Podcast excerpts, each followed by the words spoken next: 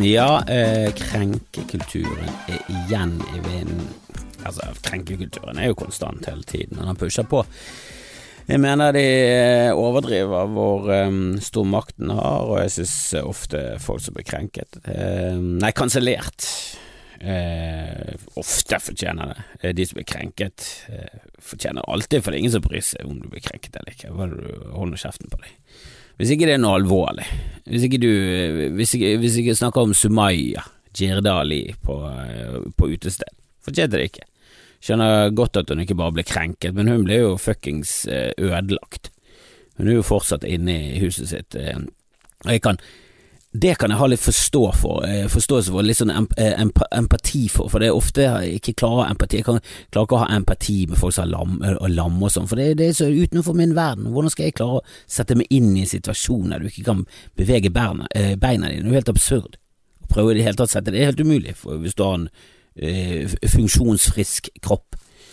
Og eh, sympatier og eh, prøve å jobbe og kjempe for at de skal eh, få rettigheter og alt sånt. Ja da, selvfølgelig. Det, det skulle bare mangle. Eh, det irriterer meg når vi var på Riks, det bare irriterte meg at de bare aldri gadd å tilrettelegge for handikappede.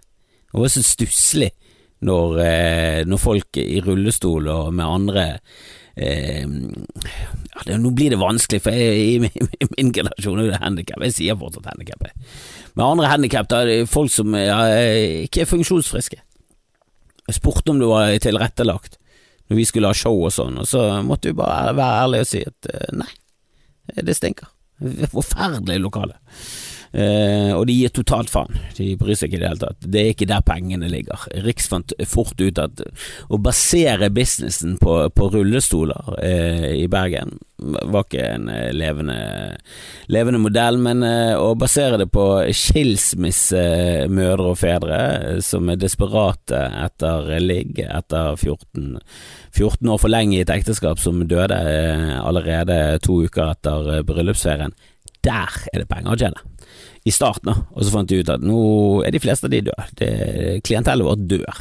Skal vi prøve å bli litt hippere, så fant de ut at ok, vi har en øvre aldersgrense, og så satser vi på unge, dumme folk som, som, som lengter etter å gå ut i Miami i Bergen, og så gir vi de skumparty og lasershow. Altså Det var så absurd når vi var på slutten på Riksen og klubbkvelden var ferdig, og så skulle vi ut hvis vi ble sittende litt lenge på backstage og drikke, og så skulle vi gå ut. Åh, snakk om å føle seg som en uh, creepy, creepy gammel mann. Jeg husker det fra, fra gamle dager når vi var unge og begynte å gå ut, til og med når vi gikk på sånn ungdomsdisko i byen. Gikk på Maxim og Nei, ikke Maxim, det er et Mirage og Choice. Dette, dette er navn som eh, gamle bergensere kanskje bjelleringer for, men eh, resten skjønner jeg ikke hva jeg snakker om. Men det var, det var steder fra 16 til 18 år, da Altså for, før du fikk lov til å drikke, men du hadde lyst til å gå ut, og mange drakk, for det var jo mye busk, busksprit på den tiden. Eh, da var det alltid noen litt sånn eldre karer som bare gikk rundt, som helt tydelig var overgrepsfolk. Enten bare inni hodet sitt, eller, eller så var de direkte tafsere. Eh, og det, det, det, gikk ikke så mye ut av meg, for det var ikke Kanskje ikke var pen nok, kanskje de ikke brydde seg om gutter. Um, men jeg følte aldri noen sånn uh, ekle blikk, jeg bare følte at de ikke hadde noe der å gjøre. Og Det samme var når vi begynte å gå ut og vi gikk på sånn 18-årssteder. Så var det sånn hva gjør du her, mister 42 år gammel? Og det kan godt være at han bare var 25, det var bare at vi følte at han var 42, han hadde ingenting der å gjøre, og det hadde han ikke. Og selvfølgelig eh, Vi hadde jo ingenting på Riks å gjøre eh, etter klubbkveldene var ferdig, etter standupen var ferdig. Vi hadde jo et helt annet publikum, og når de der eh, diskoungdommen, nattklubbfolkene, begynte å komme ut der med ja, studenter, unge studiner og unge studenter, og alle var pene, det var Nei, det var, det var du, det, du følte det så jævla dum. Du aner det ikke. Men eh, krenkekulturen eh, har vært litt på jeg føler han har tatt eh, et steg i feil retning nå, for det, nå, har det, nå, har vi begynt å snakke om å kansellere Seinfeld. Og jeg, jeg er enig om at Friends har eh, hatt en sånn ulmende homofobi gjennom hele serien. Og det er stor forskjell på Friends og Seinfeld, både kvalitetsmessig, helt klart, men også hvordan karakterene portretteres. For i Friends så er jo det venner, det er jo fine folk som du skal like å bli venner med, for det, det måtte de spille på, de måtte ha drama i bunnen, de. Det var ikke nok med den humoren, for den var mm, ofte litt billig, og den holdt seg ikke helt. Men Seinfeld, ikke billig i det hele tatt. Kanonbra, sterkt, og, eh, og du følger fire egoistiske, narsissistiske drittfolk. Overfladiske. Altså, de, de lente seg inn i denne New York-greia, Altså rundt omkring i USA, selvfølgelig i rustbeltet og i Midtvesten og hele den pakken her, steder der jeg, jeg, har ikke lyst til å, jeg har ikke lyst til å reise der. Ja, kanskje interessant som en sånn dokumentarfilmskaper for å se hvor jævlig det er å bo stedet, men ikke for å reise for å se, for å, for å nyte livet, liksom. Da vil jeg til San Francisco, til, til New York, eh, LA, Chicago, kanskje Austin eh, Seattle. St interessante steder som jeg har hørt om som jeg har lyst til å oppdage. Jeg skulle, skulle gjerne reist rundt i Texas, selv om jeg synes de politiske er helt på trynet. Så er det mye interessant der du har Houston og alt sånt, men, men, men rustbelte og grusomme steder Nei, nei, nei, nei, nei, nei, nei, nei, nei. Det er jeg synes bare synd på de, herregud. En, en by som heter War, ja, det var et bra navn.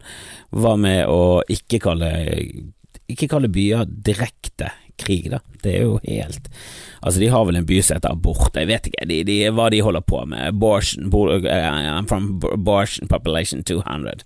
Keeps getting smaller, I don't know why. Vi, vi skjønner hvorfor. Men, men eh, der hater de New Yorkere. Og istedenfor å liksom gjøre sånn som Friends med sånn jo da, men det er et mangfold her, og vi er helt annerledes. Vi er ikke New Yorker i det hele tatt, vi. Vi bare bor i en leilighet til 200 millioner, og ingen av oss tjener penger, så det gir jo mening. Eh, så var jo Seinfeld eh, bare lente seg inn i det, og bare sånn ja, vi er New Yorker, vi er jøder, og vi er utrolig overfladiske, kjipe folk, og vi er fullt klar over det. Så når du begynner å snakke om deres meninger og sånn, så er det sånn, ja, men de, de, de er ikke noen forbilder som vi skal følge i det hele tatt. Pluss, de var ikke noe særlig homofobiske. Altså, de har hatt en debatt nå i Bergen, og jeg skulle gjerne vært der, jeg skjønner ikke hvorfor jeg ikke ble invitert. Hvorfor kunne ikke de i hvert fall invitert meg så jeg kunne sagt nei? Jeg hadde sagt nei, for jeg hadde ikke hatt tid, men det, irriterer meg at jeg ikke blir invitert. Hva er det de holder på? Selvfølgelig skal de invitere meg når det er snakk om krenking og humor. Hvem andre var det, da? Fy faen, for et drittarrangement. Men Dave Vatne var der, eh, og han syntes tydeligvis det var flottesen og interessant, og det kan godt være at det var flottesen og interessant, jeg var det ikke selv, så jeg vet ikke hva de snakket om, men når du tar utgangspunkt i at Seinfeld er bør kanselleres, så, så kom piggene mine ut.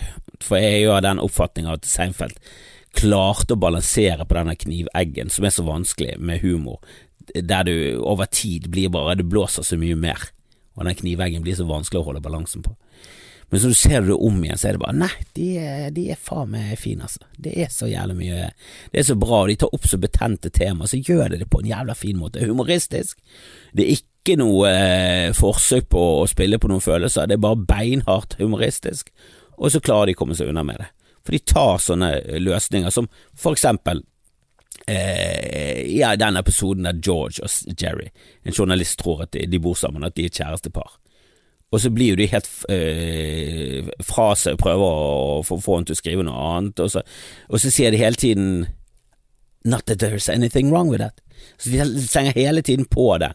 Og, øh, og, selvfølgelig kan det være ubehagelig for noen å bli oppfattet som homofile. For det, under Davy sin originale tweet så var det en som slengte ut en link til en uh, artikkel om hvor super offensive Seinfeld er, sånn sett eh, med eh, nåtidens øyne. Skrevet av en eh, kvinnelig journalist fra Brooklyn, og jeg har jo mine fordommer mot eh, Brooklyn. Ikke kvinnelige journalister, de liker jeg. Herregud, i Norge. Anne Rokkan i Dagens Næringsliv, tidligere BT, min yndlingsjournalist. journalist. Jeg synes de er flotteste, hun eh, som eh, brøt hele eh, greia med en Norsk Narkotikapolitiforening nede i Kristiansand, Federlandsvennen, kvinne, altså kvinnelige journalister. Jeg vil si bedre, bedre. Kjør på. De er tydeligvis litt mer litt mer opptatt av samfunnsoppdraget enn en mannlig journalist er, som sikkert er mer opptatt av å drikke øl og gå tilbake inn til den kulturen. Vi er journalister, vi skal drikke øl sammen med kjendiser, så skal vi ha hemmeligheter sammen med Trond Giske. Vi skal vite at han er et svin, vi skal like at han er et svin, vi skal ikke skrive at han er et svin.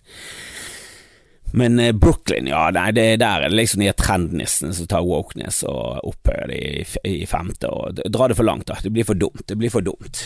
Og er for at folk skal våkne opp, og jeg er for, for at folk er politisk korrekt. Altså, det er helt fint for meg, det. Bare ikke gå for langt. Ikke være en sånn her dust som en sånn Du skal ikke spøke om voldtekt, selvfølgelig skal du spøke om voldtekt. Du må bare gjøre det på en måte som er morsom, samtidig som det ikke er usmakelig og pro voldtekt. Det er ikke gøy. Og da blir du buet. Jeg har spøkt om voldtekt, funker som faen.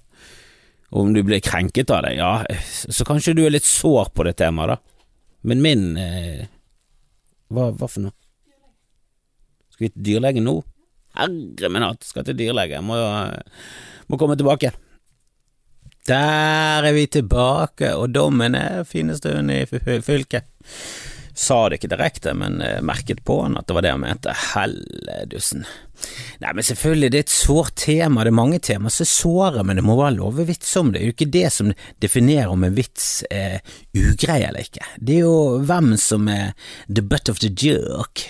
Altså, NO-vitsene som vi vokste opp med på 80-tallet, er jo avskyelige, og de er portretterer en stereotyp og kjip utgave av en hel eh, et helt folkeslag Ikke bare det, helt folk, det er jo det er ikke et folkeslag, det er jo fuckings kontinent, det er jo en hel hudfarge av mennesker.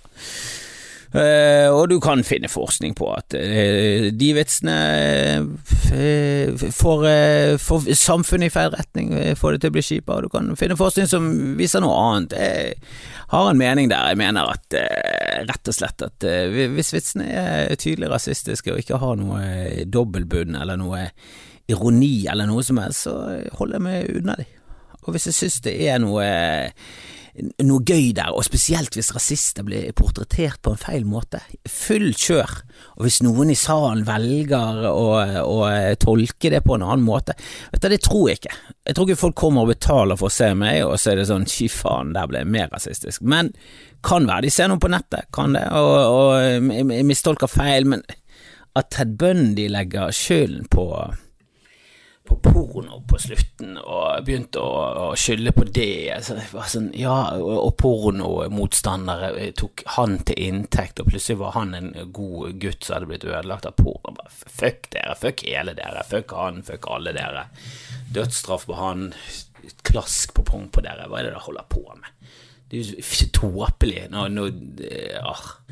Folk som skal legge skylden på Call of Duty fordi ABB er et grusomt menneske. Hva med å legge skylden på moren, faren, samfunnet? Ting som faktisk har skyld i dette greiene.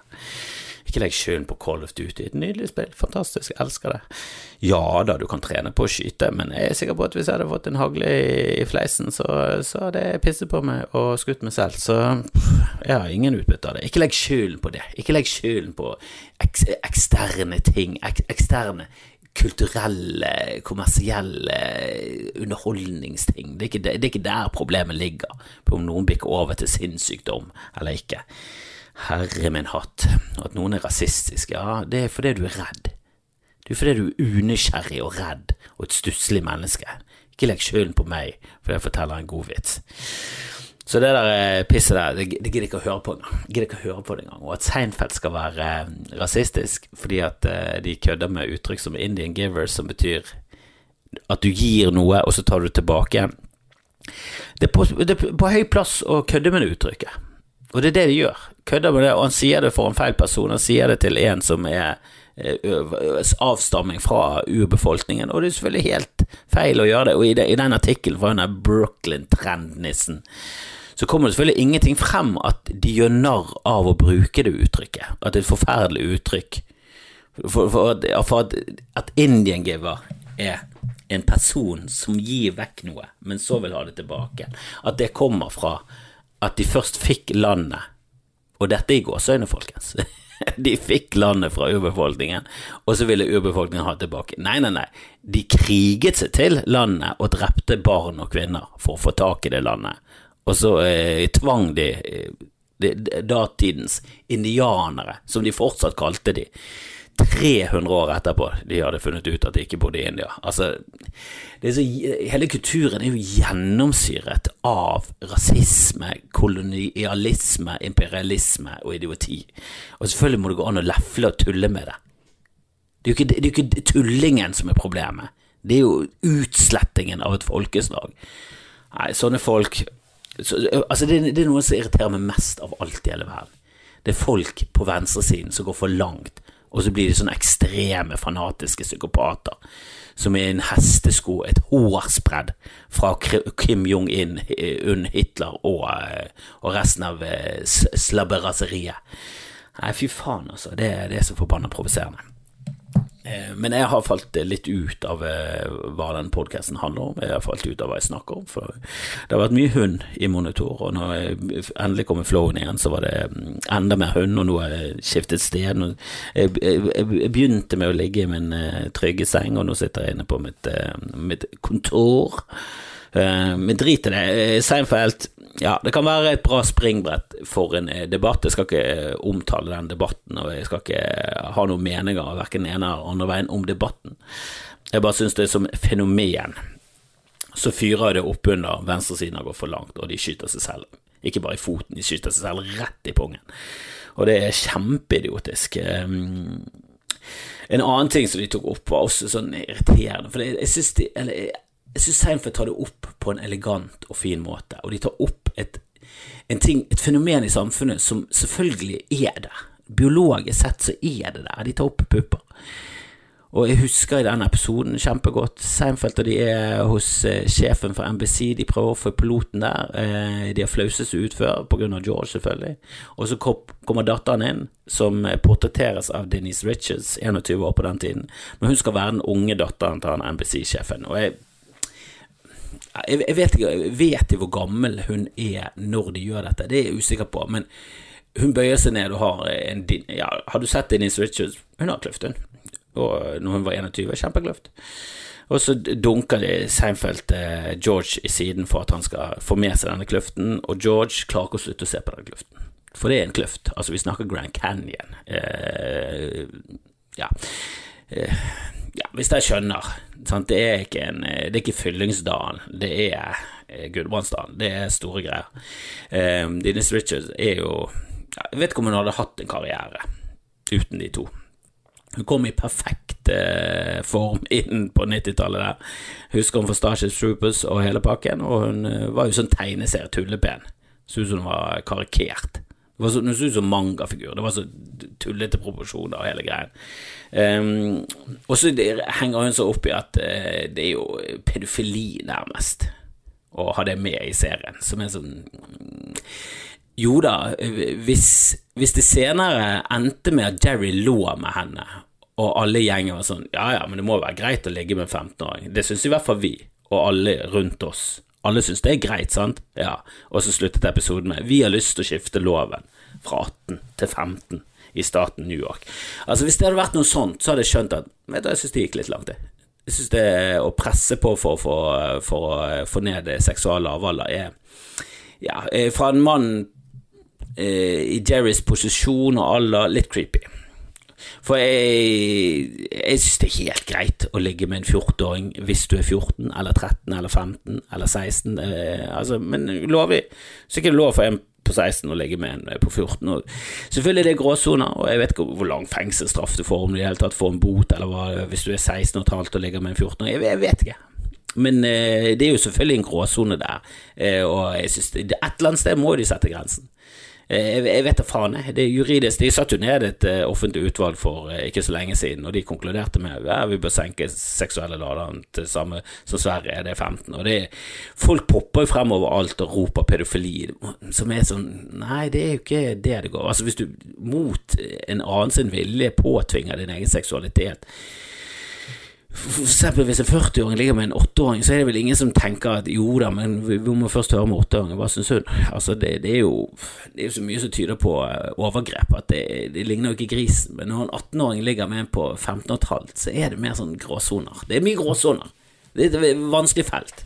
Men å påstå at, at menn, uansett alder, ikke liker pupp uansett alder, er jo bare Da er jo du bare naiv. Da, da kan du ingenting om biologi, pupper eller samfunn. Da kan du ingenting om noe, da. Er du helt idiot? Og hvis du sitter sånn Ja, men det, det er et barn, det er et barn. Jo da.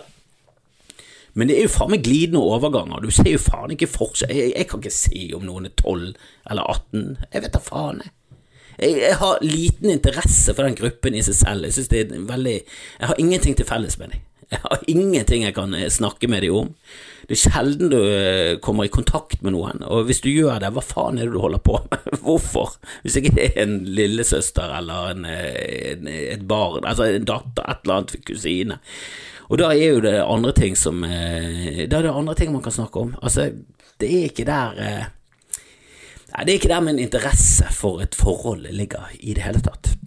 Jeg har dame, og hun er greit nok, hun er mye yngre enn meg. Så hun eh, hadde blitt sammen med henne da jeg var 17, eh, så hadde det vært helt krise. Og hun var 10. Det er jo ikke greit i det hele tatt. Men nå er jeg 45, og vi har vært sammen i ti år. Ja, vi har vært sammen lenger. Det går greit. Vi har en sønn sammen. Det går, det går fint. Vi koser oss. Ingen, hvis noen begynner å legge seg opp i aldersforskjellen vår, så tror jeg begge to bare fnyser av det og kaster eh, ekskrementer fra vår hund. Så det går til fylkets fineste, hvis du leser mellom linjene til veterinærer i Bergen.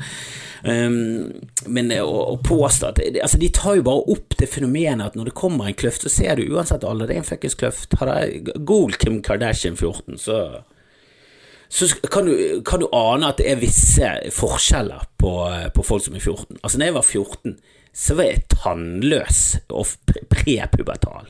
Altså, jeg hadde ikke hår på tissen engang. Jeg var så, jeg var så langt unna noe som helst.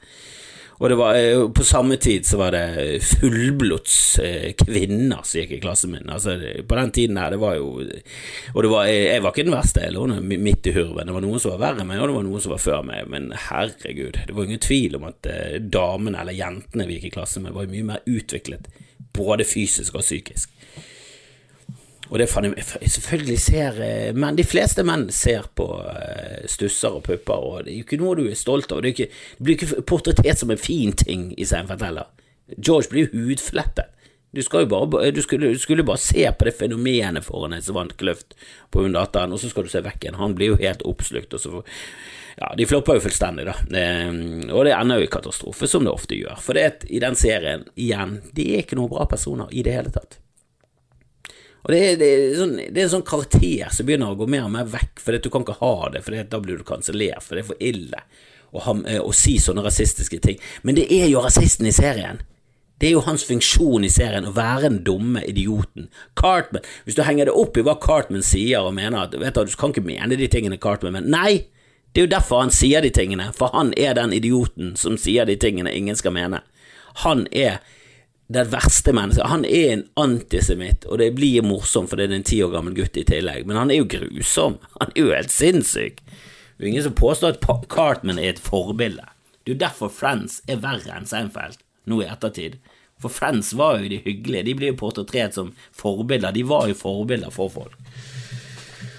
Åh. Men Eh, men over til noe annet, en ny ting som er litt i, hardt vær, som jeg liker. Razzie Awards, anti-Oscaren, eh, som jeg hørte om da jeg var liten. Min bror eh, snublet over fenomenet at de ga vekk en anti-Oscar. Vi var jo veldig interessert i film, og jeg er jo ja, jeg er kanskje mer interessert enn han fortsatt. Eh, men vi så jo masse film, hadde masse VHS-kassetter stappet av film, og vi lånte bort, og vi hadde et kartotek, og vi lånte bort og noterte tidspunkt, og eh, noen av de bare mistet vi for alltid, og, og, og andre fikk vi tilbake igjen. Og vi, vi hadde en hookup med en kompis av meg som hadde flyvertinnemor som fløy til Bangkok, kom tilbake med piratkopier. Dette var på den tiden film ikke gikk samtidig over hele verden, for de hadde bare 2000 eksemplarer av den filmen i hele verden. Så først så, så, gikk de liksom i de store byene i USA, og så gikk de i de store byene i Europa, så gikk de i de store byene i resten av verden, så gikk de små byene i USA, og så kom de kanskje til Oslo og Bergen, eh, og så kom de på Voss i sånn mars fire år etterpå. Jeg husker fortsatt at jeg kjørte forbi Voss to-tre to, år etter Titanic, og da var det sånn premiere på Titanic! Um, og det var en annen tid, så når hun der eh, flyvertinnemoren kom, eh, kom tilbake fra Bangkok med blodferske piratkopier av ting ikke en gang hadde kommet på kino i Norge, og de var uklippet Herregud, så populære vi ble. Det nydeligste i verden. Vi så jo Indiana Jones der han tok inn i brystkassen og rev ut et hjerte, og det var klippet på norsk. For det, i Norge så var det sånn, vi skal ikke vise vold, for da blir vi voldelige. Sånn er livet. Uh, det viste seg at Kanskje de har et poeng, for de viste det uklippet i USA, og det har vært masse masse skytinger. kan være at eh, ABB hadde en hooker på noen piratkopier, for han eh, gikk jo helt berserk, så hvem vet hva man egentlig kan skylde på. Men Razzie Awards, anti-Oscaren, var jo vi veldig glad i. Vi lo jævlig mye når vi leste om det der greiene i avisen, og fikk det med oss, syntes det var kjempeartig, og etterpå det så har vi bare kalt det Bringebærprisen. Hvis noe er fiasko, så er det Bringebærprisen. Hvis vi ser så noe på TV som var dårlig, dette er jo Bringebærprisen. Gi den mannen Bringebærprisen. Og og det har, bare, det har, bare, blitt en ting vi kan si om hva som helst som er dårlig. Tore Ryen burde fått en Lifetime Razzie Awards. Han burde fått Bringebærprisen for, for, for, et helt liv i manesjen, og han, han står til knærne i manure hele veien. Kun diaré og glunt. Han hadde vært en type sånn uh, Razzie Awards hvis han hadde laget film. Dessverre lager han bare TV, og heldigvis så lager han ikke TV lenger. Uh, og heldigvis har ikke han plaget oss med så veldig mye film, men Jesus Christ, fyren fortjener en Razzie Awards. Og det har jo vært gleden med disse Razzie Warsene. Det er jo som oftest folk som fortjener det. Litt sånn pompøse, litt for høye på seg selv, champagne og sånn. Hvis han trår feil, uh, spiller en teit rolle, noe han dessverre aldri gjør, så, så får du en Razzie Awards. Han er jo god å velge film. Men Nick Cage en typisk Razzie Award-vinner. Og så er det også noen skuespillere som har vært så kule at de faktisk har dukket opp der og tatt imot Razzie Awardsen. Halle Berry vant Oscar eh, for Monsters Ball, spilte inn Catwoman, fikk en Razzie Awards på den. Kom, holdt en tale. det er så nydelig. Og Sandra Bullock, hun fikk Razzie Awards, og det er dagen før Oscar. Denne blir jo dagen før Oscar, så Razzie Awards. Hun gikk på Razzie Awards mottok en pris for én film, gikk på Oscar neste dag, mottok en pris for en annen film. Altså, da snakker vi fete folk. For hele det prisgreiene jeg er veldig takknemlig, jeg er veldig glad for den prisen jeg fikk, men det er jo tull. Det, altså, det må alle forstå. Jeg leser at Oscaren ble jo oppfunnet fordi at filmbransjen var sett på som så lavkultur og trashy at det var der nede og sopet sammen med gatemusikanter og pantomime. Altså Det var helt på bunnen av kultur. Og så fant de ut at for å liksom elevere det litt, og få det litt sånn mer sånn høytidelig og mer pomp og prakt rundt det, da, så skulle de begynne å gi ut Oscar. Og det begynte jo så langt tilbake inn at de første Oscarsendingene er fra radio. Altså Radio-Oscar. Lurer på om det var like kult å sitte rundt det, eller det har mistet sin glans. Så det er sikkert omtrent like populært da som nå. Omtrent like mange lyttere og seere som den gangen. Um, men det var jo for, eh, det er bare sånn fjusketriks for å liksom late, og så for å feire seg selv. Det er en, ja, det er en fest som bransjer gjør for å ha det gøy, og så er det noen som får noen priser, og det er pomp og prakt, og det er selvfølgelig kjekt, men det er jo, det er jo ikke derfor du holder på med det. Altså, det er jo ikke det, det resulterer jo ikke til noe mer eller mindre. Det, det, det, det, er en fin ting å ha på CV-en, og det er en fin ting uh, når du får av kollegaer sånn, og, og, det er kjempefint med publikumspris og alt det der, men det er jo vel ikke det altså, jeg, Det er ikke det at jeg driter i det, eh, for jeg tror at det er med på å selge litt mer billetter, men det som selger mest billetter, det er holdt på å si, å selge billetter.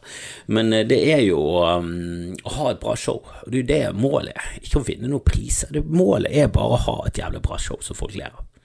Og Der må vi få lov til å tulle om det meste, og så prøve å gjøre det på en måte som ikke blir sett på med Brooklyn-øyne ti år etterpå. Bare sånn Må ikke spøke om Trond Giskan.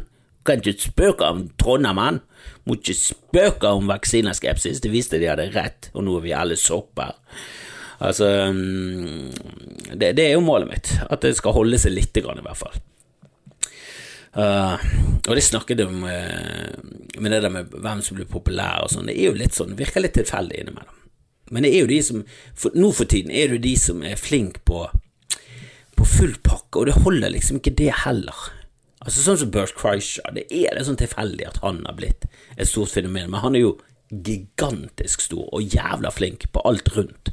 Altså det SoMe-kjøret og alt sånt, han er så jæsla flink på den promoteringen. Har dere sett denne promoen da han danser? Altså det beste promoen ever.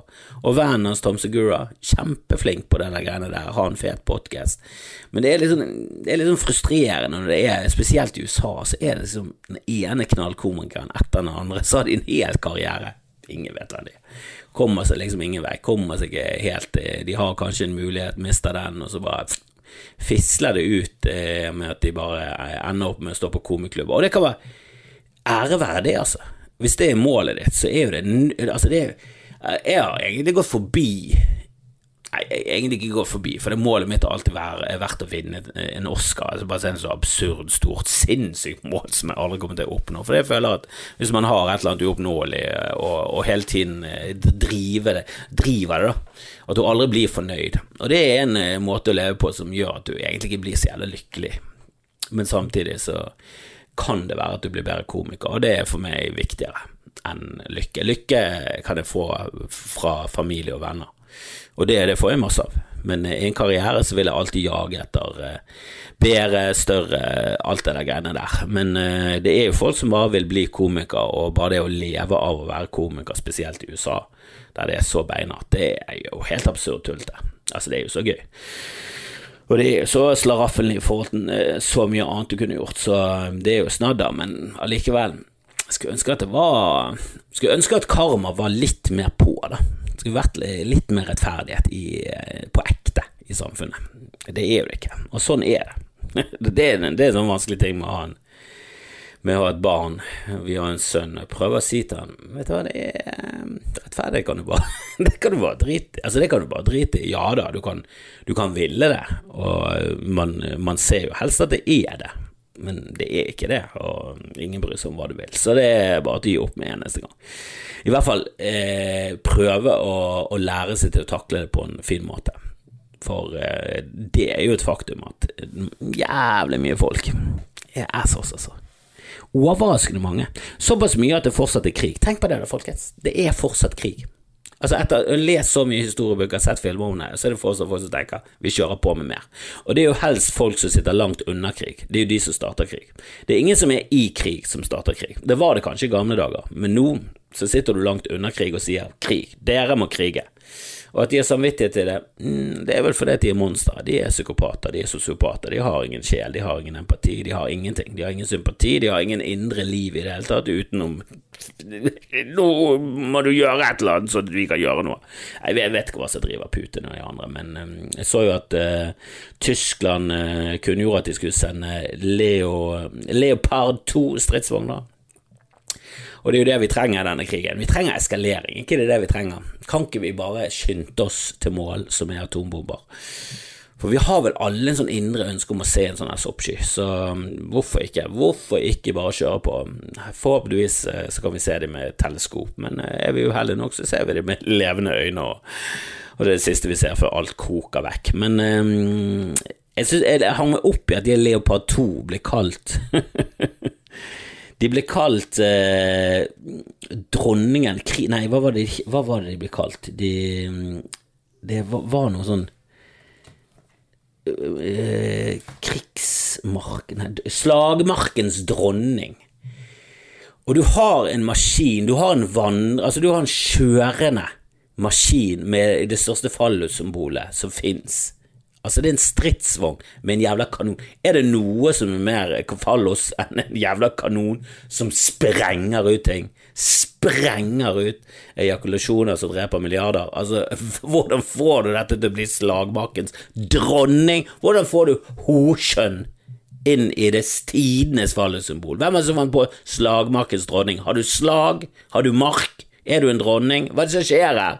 Alt er jo feil. Du er helt ute og kjører. Slagmarkens dronning. Det er jo en kjørende pikk som spruter ut død. Du finner jo ikke noe Du finner ikke et større mannesymbol om du så faen leter med lupe i en homosauna. Altså, er du helt ute og kjører? Slagmarkens dronning. Og så um, og så liker jeg hele Altså, jeg satte meg inn i de der krig, krigens regler en gang, og da tenkte jeg dette må jeg skrive materiale om, og så så jeg Doug Standup, og så var det terningkast mye bedre enn meg. Så, så, jeg har lagt det litt på is, men jeg har lyst til å dypdykke det litt eh, igjen og, og, sjekke det ut. For jeg, det er absurd for meg at det er masse regler rundt dette greiene her. Og jeg har jo alltid hørt at ja, de brukte jo i, Vietnamkrigen så brukte de eh, napalm, og det brenner under vann, og det er helt grusomt, og det, uff, uff, uff, og det ble jo forbudt å bruke. Men det er ikke det. Det er forbudt å bruke på sivile mål. Fortsatt så kan du bruke det strategisk. Det blir forbudt å bruke på eh, sivile mål. Altså det vil si at før Vietnamkrigen det, og under Vietnamkrigen helt greit å kaste det på kvinnearmbånd. What the fuck? Det var også regler om enheter, altså det er, det er detaljert Altså det er som en monopol. Har du lest reglene på et monopol? Sånn, bare for krig. Altså sånn spillregler. Sånn, Dette er greit, dette er ikke Dette kan du gjøre mot oss. Du kan ikke sprette oss opp fra buken, men du kan, sprette, du kan skjære halsen av oss. Det kan du. Du kan halal-slakte oss, men uh, du kan ikke henge oss opp ned og spjære oss fra buken. Det er for mye. Det blir for mye. Altså, sånne ting står i den loven, og det er ja, Å påstå at det er gøy, mm, ja, det er jo en sannhet med modifikasjoner, men det er såpass mørkt, eh, jævlig og, og, drøyt at i, i mitt hode så blir det bare Altså, jeg klarer ikke noe annet enn å le av det, for det er så absurd. At vi i det hele tatt har regler om krig. Det er sånn, ok, Hvis vi først skal holde på med dette, så ja, da må vi finne noen felles regler. Hva med La oss slutte med dette. La oss bare slutte med det. Det fører veldig sjelden med seg noe bra. I ni av ti tilfeller gjør krig ingenting bedre. Altså, krig, altså Og hvem er det som er pro Russland i dette opplegget der? Altså det er jo de samme folkene, har du lagt merke til det? At, og det har jo mange poengtert hundre ganger. Altså, pro, Du er vaksineskeptiker, du er transfob, du er Og så er du plutselig Team Putin. Altså, ser de ikke hvor jævla dumt det ser ut fra oss som står og ser på dem? Og de er sånn Ja, dere lever nå som mainstream ekkokammer. Ja, vi er fullt klar over at vi lever i et ekkokammer. Alle skjønner at de lever i et ekkokammer, men dere gjør jo ikke det. Altså, jeg er fullt klar over at jeg lever i et eh, ekkokammer. Jeg tar det meste jeg inntar av informasjon, det tar jeg med en klype salt. Men Kari Jakkesson sine, sine måltid er jo saltløse. Det er jo ikke sunt engang. Så du, hun tar ikke salt på noen. Hun tar ikke noen klype Eneste hun tar den klypen i, det at hun faen meg trykker den inn i sin egen hjerne for å makulere den, sånn at hun skal tro på alt det der fjaset hun sier, og jeg angrer på den settingen, var veldig dårlig oppbygget, og jeg ga ingen mening til og med i mitt hode etter hvert, så bare mistet jeg tråden. Men eh, poenget mitt er, Kari Jakkesson, du, du virker ikke som du er klar over at du lever i et ekkokammer, og det, at det kommer fra Russland, fra Bot-fabrikk i Russland. Altså, er du helt ute å kjøre? Jeg bare, jeg bare skjønner ikke. Og så har jeg en siste ting. Eh, jeg skulle jo egentlig ha snakket om mye mer, men jeg ser jo nå at tiden eh, har jo gått eh, langt over skaftet. og da hun, jeg har blitt avbrutt av hund herfra til Haugesund. Så det vil jeg avslutte med å si at AI har kommet forbi ChatGPT. Jeg har ikke testet det ut helt ennå, men fra nå av skal alle vitsene bli beskrevet av AI, for det virker veldig I hvert fall der firmaet jobber, så skal jeg faen meg Skal bare fòre de med idioti og de første fem minuttene mine skal alltid være ChatGPT og det neste innenfor AI. For det, nå har de knokket koden. Nå har det blitt så bra at mennesker ser ikke forskjell. Du kan bruke programmer for å sjekke om det er ChatGPT eller andre algoritmer som er i bruk, men og jeg skjønner jo ingenting av dette. Jeg bare skjønner at vet du hva, den norske skolen Nå må vi bare Altså, jeg husker Reform 94. Jeg var ett år for uh, gammel for Reform 94, så jeg husker at de elevene som gikk uh, under meg, de fikk det alltid litt bedre enn oss. De fikk mer relevante fag. Plutselig var det datafag, de fikk bruke datamaskin, de var på internett på skolen, og vi var sånne gamle fossiler sånn sånn Hva er det, er dere driver på med med disse EDB-maskinene deres? Hva, mener, er ikke dere i DOS? C-kolon, D-kolon, A-kolon? Kom igjen! Vi kan våre kolons! Men, eh, men de tok en reform, da, eh, og det, nå er det bare sånn Nå må vi, nå må vi ta en eh, reform som pisser på alle reformer. Reform, altså, vi snakker om moren til alle reformer, sin mor. Sin onkel sin mor. Altså noe i den duren. Bare noe helt nytt. For nå har internett tatt over alt, vi blir styrt av apper, alt er på apper, sjekking, alt, og nå er til og med stiler, eh, eksamener, alt kan du bare bruke en app, og så lager han noe som vi bedre enn mennesker lager. Så du kan jo være i fjerde klasse og skrive en doktoravhandling om eh, Harry Potters eh, flukt fra Eskerben. Altså, du, du kan jo bare gjøre alt. De kan, eh, de kan faen meg gjøre alt. Så, eh, så vi må bare begynne på ny. Jeg mener det bare sånn helt fra bunnen av, helt på nytt. Alt. Og jeg mener seriøst at ja, det er fint å lære om algebra, og hvis du har evner innen matematikk, hvis du har den teoretiske evnen til å liksom skjønne eh, den type tenking som er veldig sånn ja, Det er den typiske tenkingen man trenger for å gjøre det bra på IQ-tester. Men det betyr jo ikke at du er fuckings intelligent eller smart, det, betyr bare at du er jævla, hjernen er jævla flink på det. Eh, og det, det mener jeg helt seriøst, det trenger ikke alle å kunne. Jeg synes Fra sånn fjerde klasse opp til fjerde klasse matematikk, alt sånn pluss, minus, deling, multiplikasjon. Det er sånn du bør ha en, en grunnleggende forståelse for, ellers blir det lettere å svindle det. Ellers blir det lettere å fucke med det. Men når du kommer opp på nivå med algebra, ligninger med ukjente, i hvert fall dobbelt ukjente, så er det sånn ja, de fleste faller av, trenger vi å bruke tid på å presse det inn i skallen, som er, som er helt umottagelig for det. Altså Uansett hvor mye jeg prøver å sette meg inn i sånn sannsynlighetsberegning og sånn, så, så klarer jeg det ikke. Det gir ingen mening, og der må jeg bare stole på ekspertisen. Jeg vet ikke hvor mange som må være i et rom før det er nesten 100 sannsynlighet for at uh, to har den samme bursdagen, men jeg tror antallet er sånn 26. Og det er i mitt hode sånn mm, det hørtes lite ut, men eh, for en matematiker som forstår ting, gir det fullstendig mening. For det er jo da, men eh, du har én mot x, og så har du eh, to mot x, og så har du én og to mot x, og så har du én mot Det er alltid sånn her lang forklaring, og så gir det sånn noenlunde mening, og du kan sette opp et mattestykke, men til og med det er vanskelig. Og, og, og jeg er ganske flink til det. Jeg hadde jo faen meg eh, Jeg hadde jo tredjeklasse matematikk på det teoretiske gøye nivået, altså det vanskelige. MX, som det heter nå, ikke MY, eller omvendt. Det som er vanskeligst, ikke det der som er faktisk uh, gjør livet ditt lettere, og du kan bruke det som i Badduck og sånn. Uh, jeg, bruk, jeg, hadde den fysikkdritet, jeg holdt på med bare sånn teorigreier, og jeg fant ut etter hvert at jeg er smart, men ikke smart nok. Ikke i nærheten av så smart. Jeg hadde mange i klassen som var mye smartere. Jeg var midt på treet under pari. Altså, jeg var på par, kanskje. Kanskje jeg var på bogey men jeg var faen ikke oppe og nikket på en, eh, på en hole in one eller eagle, så jeg var ikke i, i nærheten av noe albatross. Så um, kan vi slutte å bruke disse golfuttrykkene så de færreste forstår? Ja, det kan vi. Det jeg prøver å si, er at jeg var dårlig. Jeg var helt middels til dårlig, og det skjønte jeg etter hvert, men jeg er mye glupere på det området enn de fleste andre, enn gjennomsnittet. Jeg er sikkert, jeg er sikkert flinkere enn ni av ti vanlige folk, men folk som er flinke med matematikk, ikke i nærheten Skjønner ingenting. Og de skjønner jo, jeg forstår det ikke. Så jeg måtte bare gi meg der. Men, eh, men, det er ikke bare matematikk, det er alt. Hele, altså alt må bygges opp fra nytt igjen. Vi må begynne helt, vi må tenke skole på ny. Vi må tenke skole som hva er relevant for barn og ungdom? Hva trenger de for bagasje for å komme ut i dette nye samfunnet? Og, og vi trenger jo fortsatt masse praktiske folk tømrere, murere, alt, alt, det der. Og det kan vi også finne ut av tidligere. Og, og, og hvis du har anlegg for det istedenfor anlegg for f.eks. algebra, så kan du fokusere mer på det. da. Lag mer ting med hendene, utvikle.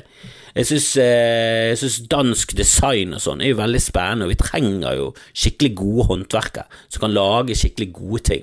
Vi kan ikke kun leve på Ikea som går i stykker etter to år. Vi, vi, kan lage noe som er vare. Det bør være, det bør være en, eh, en, bærekraftig tankegang bak alt vi gjør her i Norge.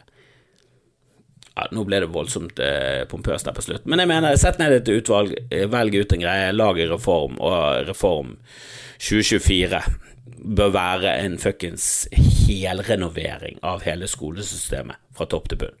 Er mitt er min mening. Det kommer ikke til å skje, for folk er ikke visjonære nok, det kommer til å koste for mye penger, og det tar for lang tid, så de kan ikke klippe snora, da må noen andre gjøre det. Og hva er vitsen med å være politiker hvis ikke du kan være der og åpne ting? Jævla møkkafolk.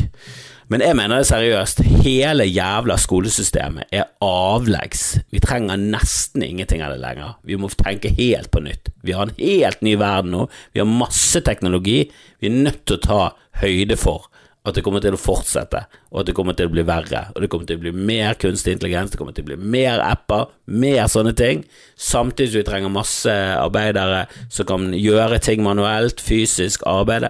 Så vi må, må skille ut tidligere, satse mer på at folk kan være praktiske hvis de har anlegg for det. Satse mer på hva folk faktisk har anlegg for og så utvikle de evnene som, som barn og ungdom har, istedenfor å skvise alle inn i den samme formen som er avleggs.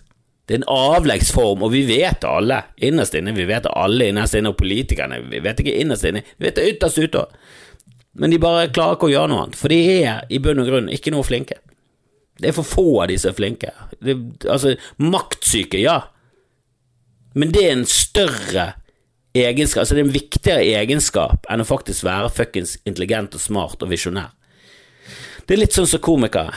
Du må ha alt det der rundt er også jævla viktig, samtidig som å prestere. Altså, i politikken mye mer. Det er liksom 12% av at du faktisk er intelligent, smart og har visjoner som kan forandre samfunnet til det bedre, og 88 ble faktisk litt stolt av meg at jeg klarte å ta det der enkle 100 minus 12-regnestykket i hodet mitt. Men 88% av politikerne er jo bare på andre ting.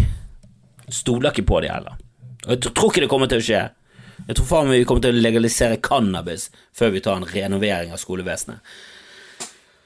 Og helt seriøst, ja, jeg vil gjerne legalisere cannabis, for jeg syns eh, ruspolitikken er forkastelig, men i bunn og grunn, i det store og det hele, kanskje enda viktigere å få fikset denne skolen, for der tror jeg det er et sykt potensial, spesielt for Norge, som er så lite innovativ som de er. Det burde vært mye mer. Vi har ikke én app. Altså, den mest kjente norske appen, Wordfeud. Det er skrebbel. Det er skrebbel, og det vet vi også innerst inne og ytterst ute. At det er bare skrebb. Det er en som stjal skrebbel. Det er det beste vi har klart til nå. Det er ikke bra nok for meg. Det er ikke bra nok for meg, og det er ikke bra nok for deg. Så vi må renovere skolen. Stem på partier som eh, er enig med meg. Eh, det er så langt ingen, så stem på meg. Hei, så kan det vinne mer priser. Som jeg påstår ikke betyr. Música